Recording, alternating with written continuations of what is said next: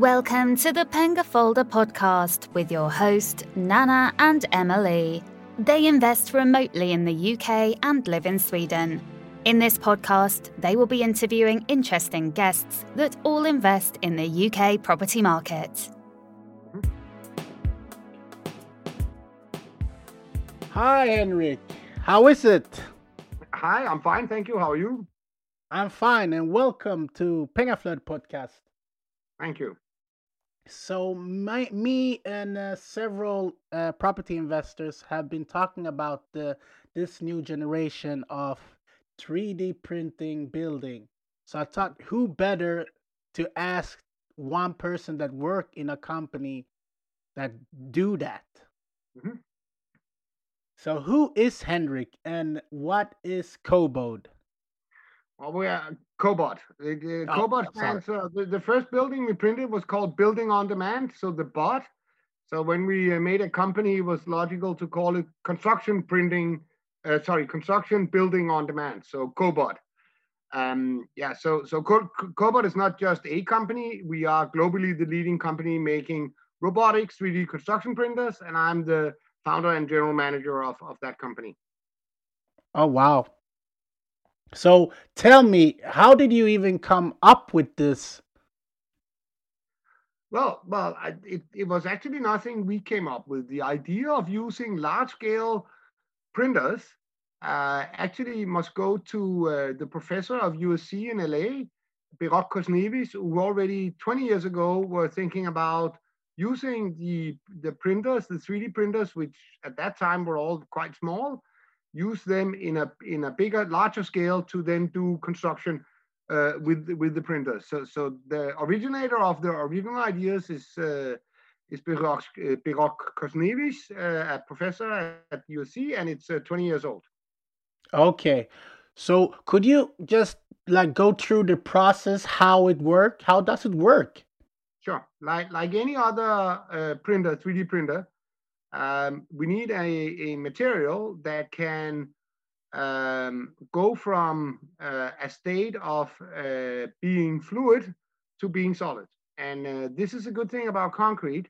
A concrete like plastic, if you heat plastic up, so all the usual 3D printers that you know, the cheap 3D printers that you know, the so-called FDM printers, they they use plastic, they heat up the plastic, and because the plastic is heated, it, it's sort of fluid, you can man- manipulate it and you can put it on layers by layers and then it harden up. It hardens up.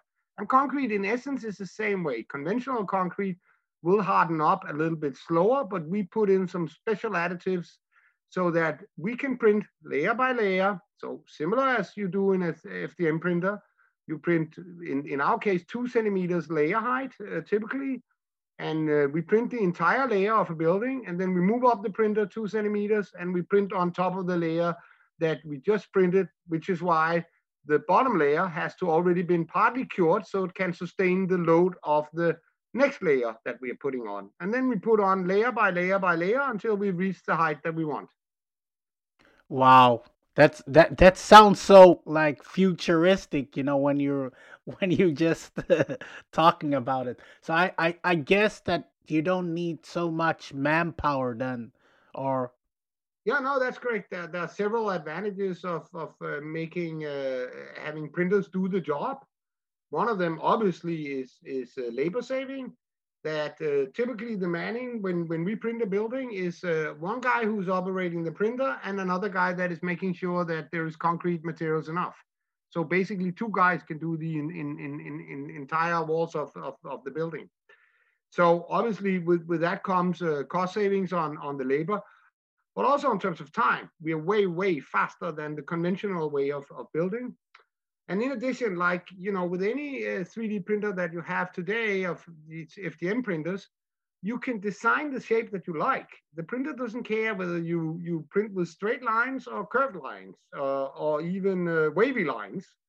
So you can do organic shapes that are more pleasant and more, more aesthetically pleasing. So this uh, gives a lot of architectural uh, freedom.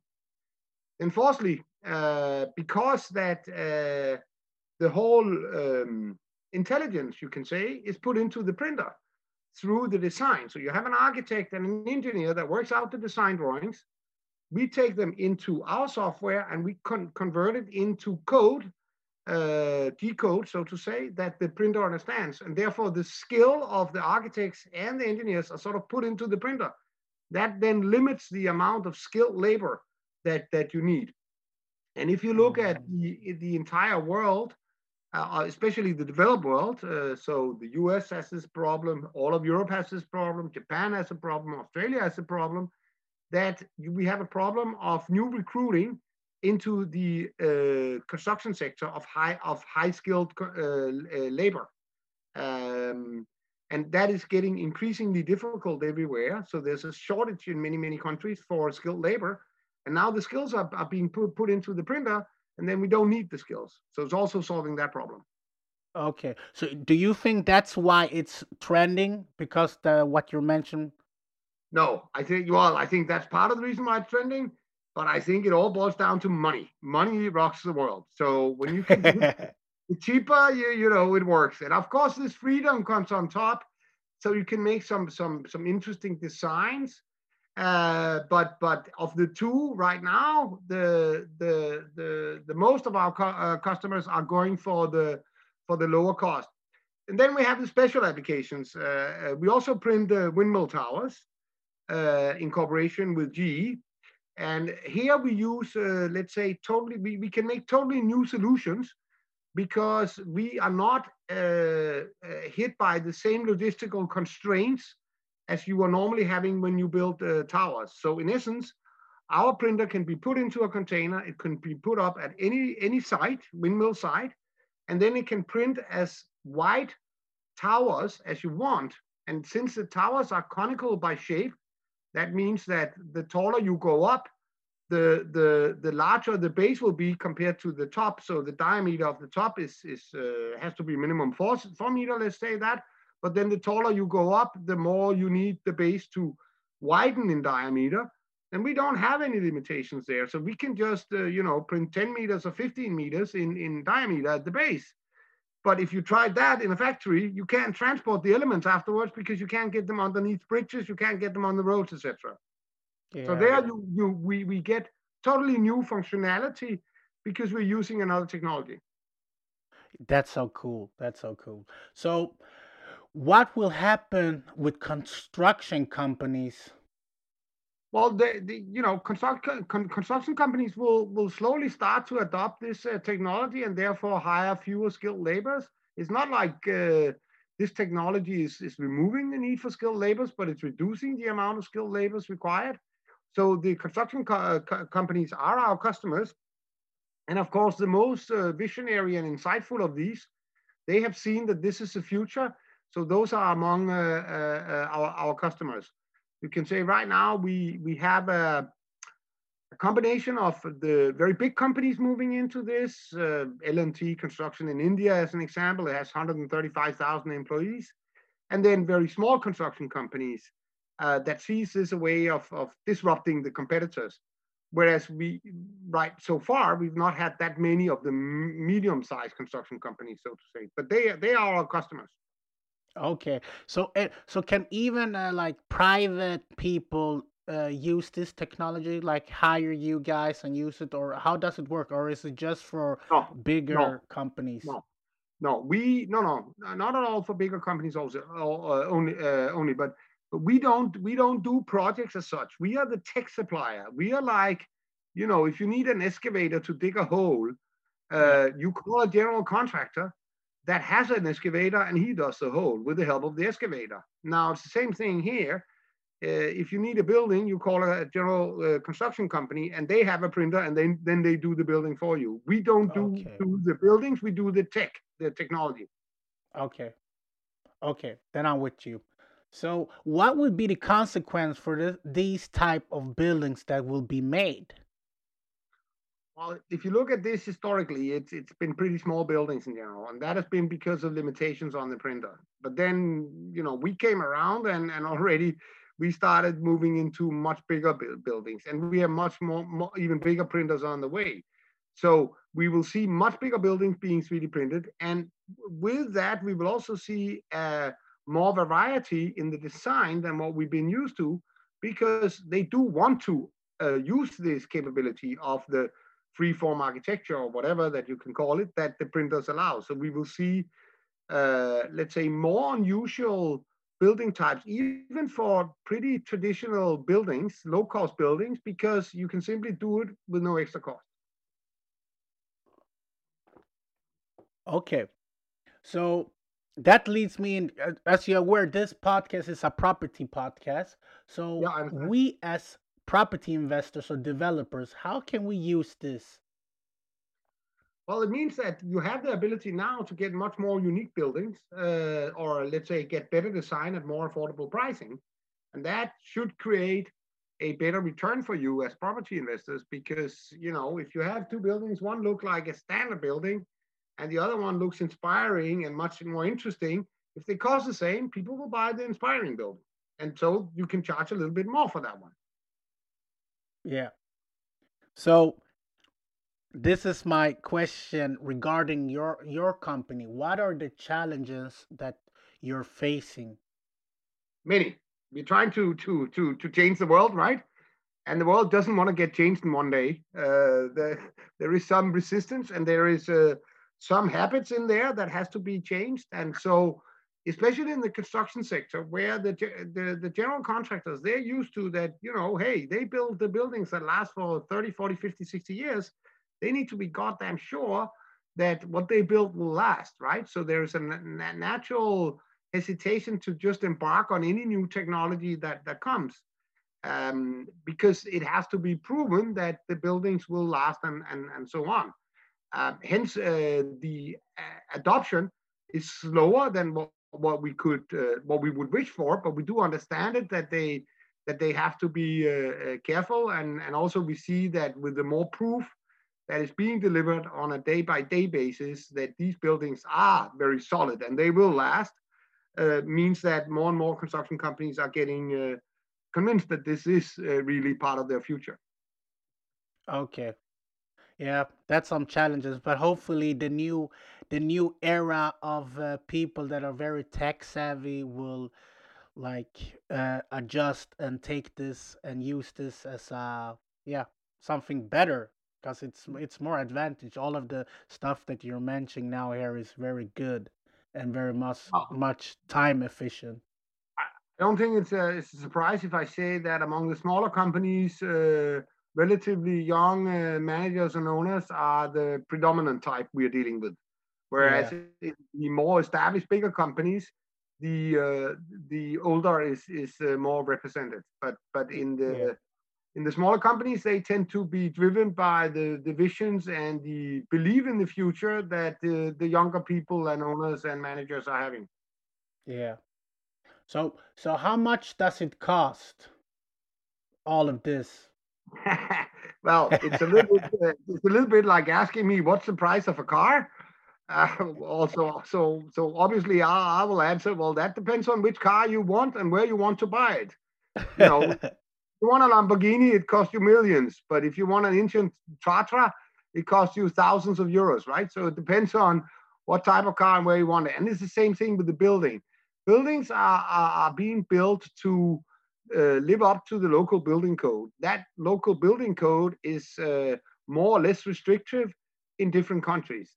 Denmark and Sweden are, of course, among the countries, probably the, the countries with the highest building codes and the most requirements, especially in terms of foundation, the thickness of the insulation, the energy preservation requirements, and so on and so, so forth.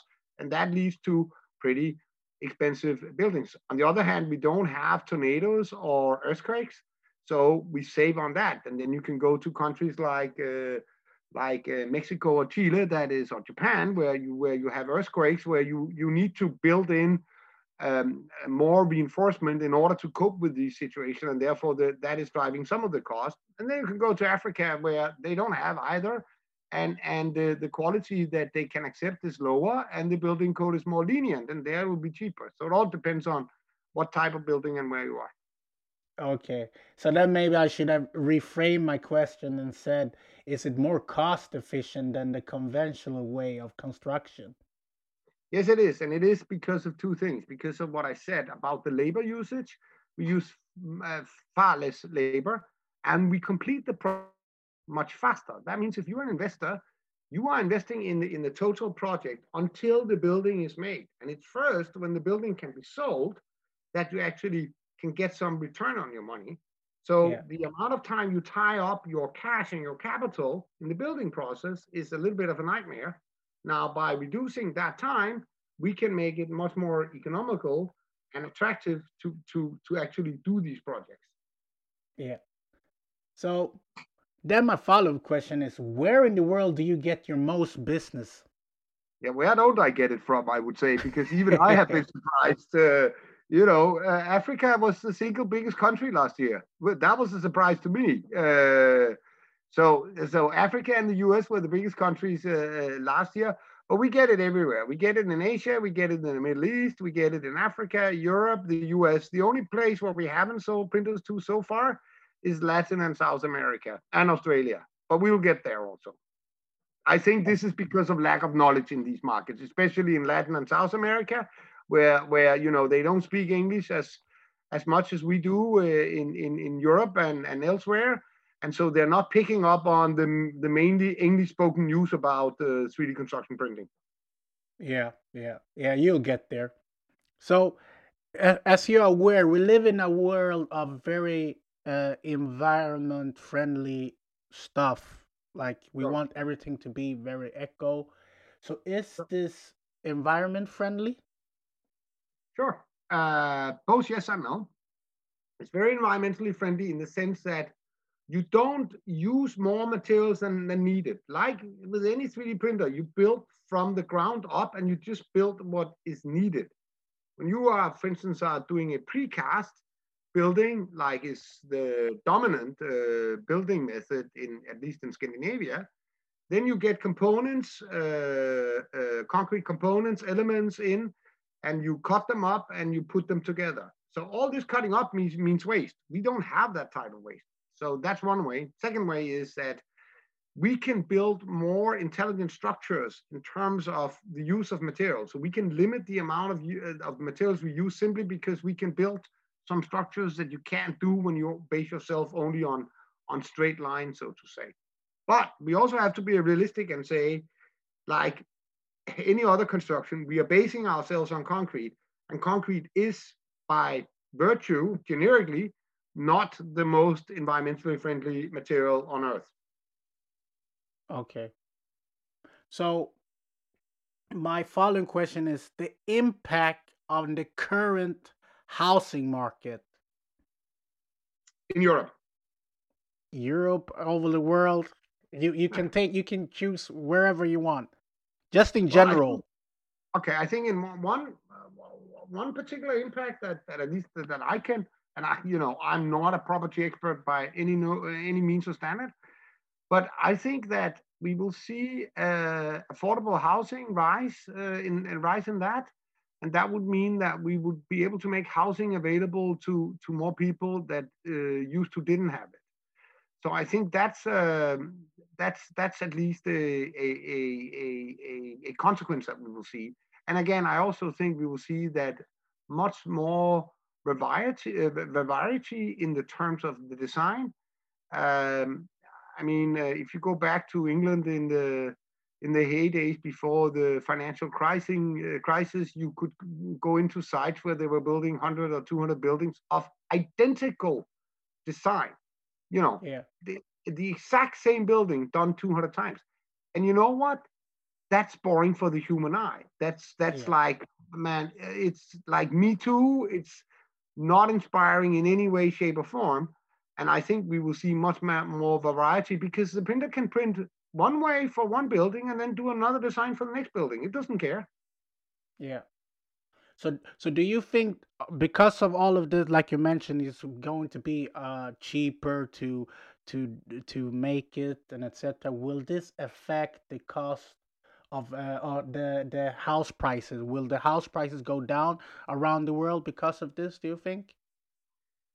I, I, the cost will go down. Whether that leads to lower pricing is not up for us to to to decide. Right? That's no. up to you guys. You you want to make money on it, right? Uh, but but I do think that we can attract a new market, as I said. Uh, so therefore, yes, uh, the pricing will come down.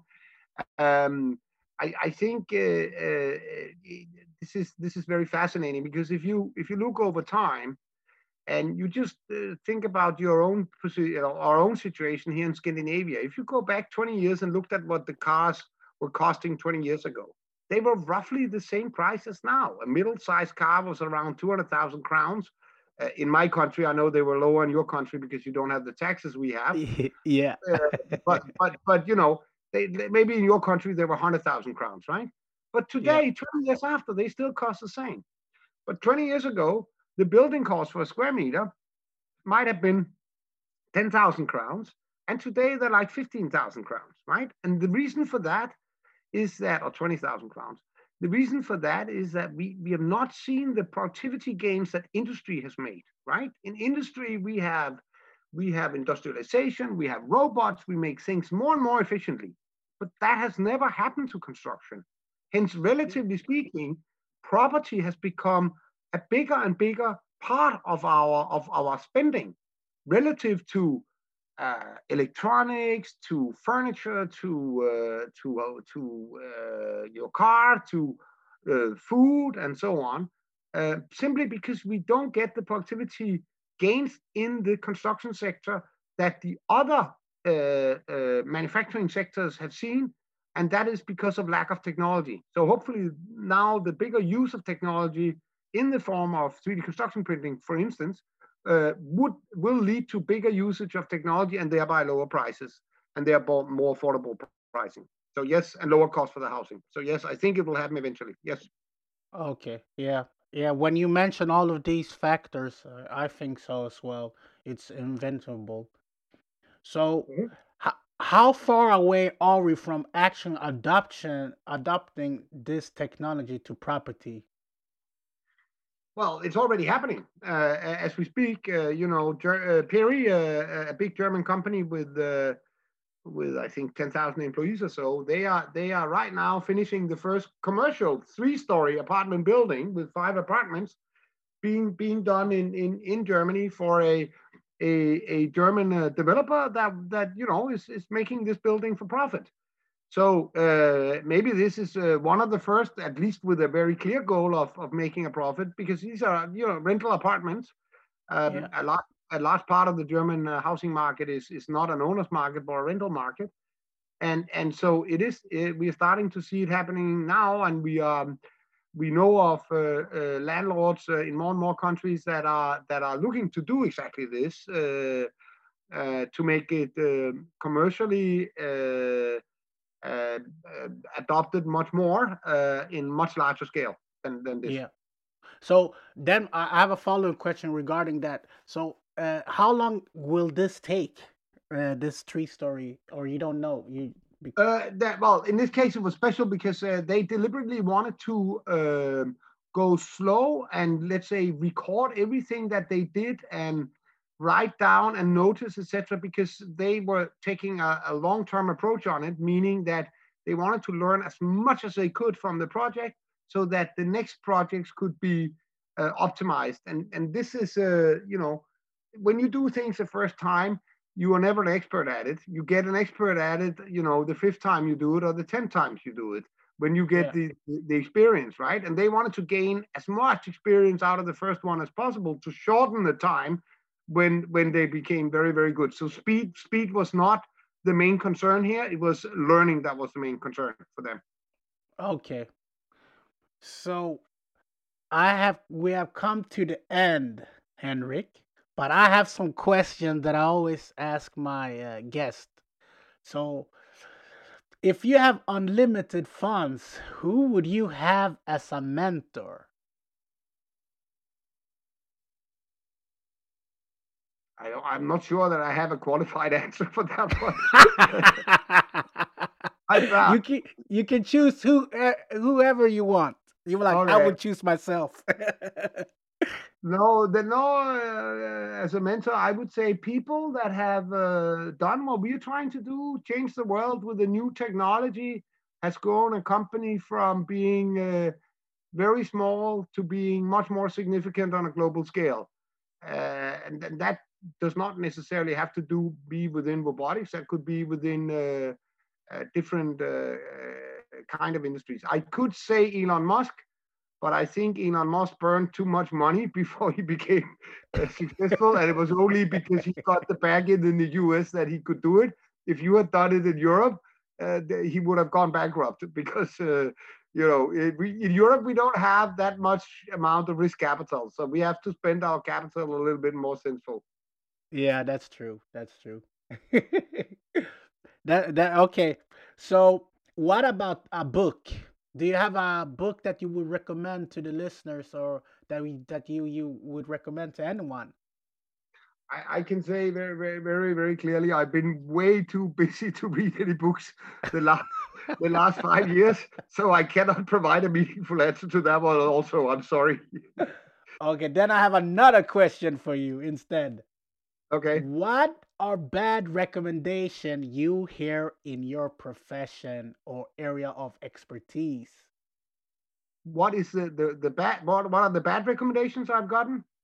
Uh, yeah, oh yeah, that you hear or or uh, oh, yeah, well, numerous expertise. Times, numerous times in my careers, in numerous on numerous occasions with different issues, I have heard this cannot be done.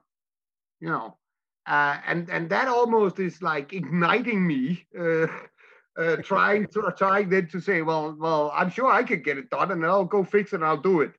Uh, so you know uh, numerous times i've uh, been exposed to people that are concluding something on a technology or a method or process on the basis of limited knowledge and historical knowledge not up to date and full knowledge and then yeah. they go on to very uh, sort of um, solid conclusions about no this is this can never be done. This no no no you can't make it. You cannot do that and so on. And i'm the opposite you know. I look at the limiting factors i fix those and then we do it. Yeah. Yeah that's good we need more people like you in the world. That so we can otherwise go ahead. on, otherwise you just keep on doing the same thing we've uh, we've always done and then for sure you'll not become richer. No that's true. So if people wants to reach out to you how can they like get hold of you Dave, just look up cobod.com and uh, my email is on the website under under contact and uh, we are very approachable. We we we do reply to all uh, emails that we're getting. I know we are very strange in that sense because it seems to be a trend that uh, tech companies uh, they feel so so much about themselves that they don't have to answer emails, but we have the other habit. We actually answer all emails we're getting and we answer fast. Yeah, you did answer really quick. I, I, do I do not remember the uh, precise, but uh, let, let me put it this way: ninety-five to ninety-eight percent of all emails should be answered within a day, and then uh, and we actually managed to do that. So yeah, that's good. So Henrik, thank you very much for your time for explaining all of this good tech that's coming and emerging in the property world. And I hope the listener have taken notes and listen. And if they want to ask any more questions, they can just send you an email like you mentioned. Yeah, I'll probably I'll probably pass them on to some of my people uh, because I am the general manager. So you know, uh, I don't deal with hundreds of single questions, but but I have people that will deal with it. Okay, so take care. Don't be stressed. Invest, people. I agree.